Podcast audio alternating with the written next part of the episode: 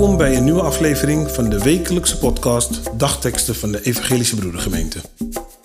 Een leerzame en inspirerende boodschap voor deze dag en de rest van de week.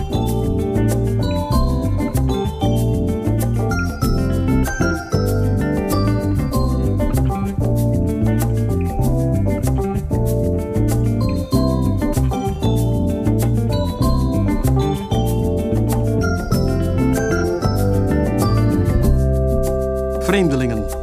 Vandaag is het woensdag 16 augustus. De dagteksten van vandaag komen uit 1 Kronieken 29 vers 15 en 2 Korintiërs 4 vers 16.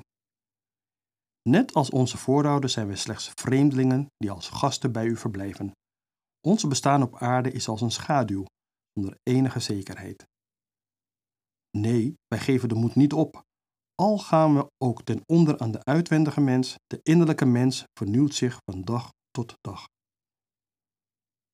Het is heerlijk om ergens als gast te komen. Zeker als je goed ontvangen wordt en als je verwend wordt door de gastheer of gastvrouw.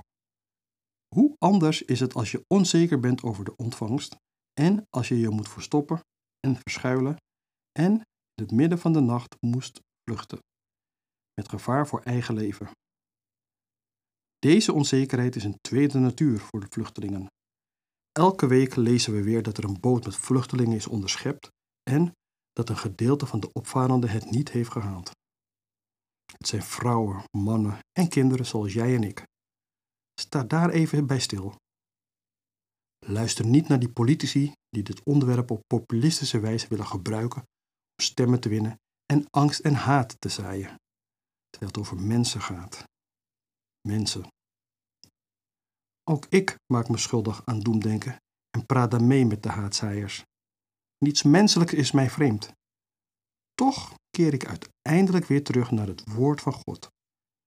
Hierin zijn alle mensen gelijk en is er niets groter en beter dan barmhartigheid en liefde. Zo wil ik in het licht van God wandelen, om elke dag mijn innerlijke mens te vernieuwen. Laten we naar die ander omzien zoals God naar ons omziet. Lieve God, help mij om naar anderen om te zien zoals U naar ons omziet. Het is makkelijk om mee te praten met de massa, maar het is veel moeilijker om weerstand te bieden aan het kwade woord dat uit is op verdeeldheid en haat. De moeilijkste weg is vaak de juiste weg. Laat uw liefde in en door mij schijnen. Amen.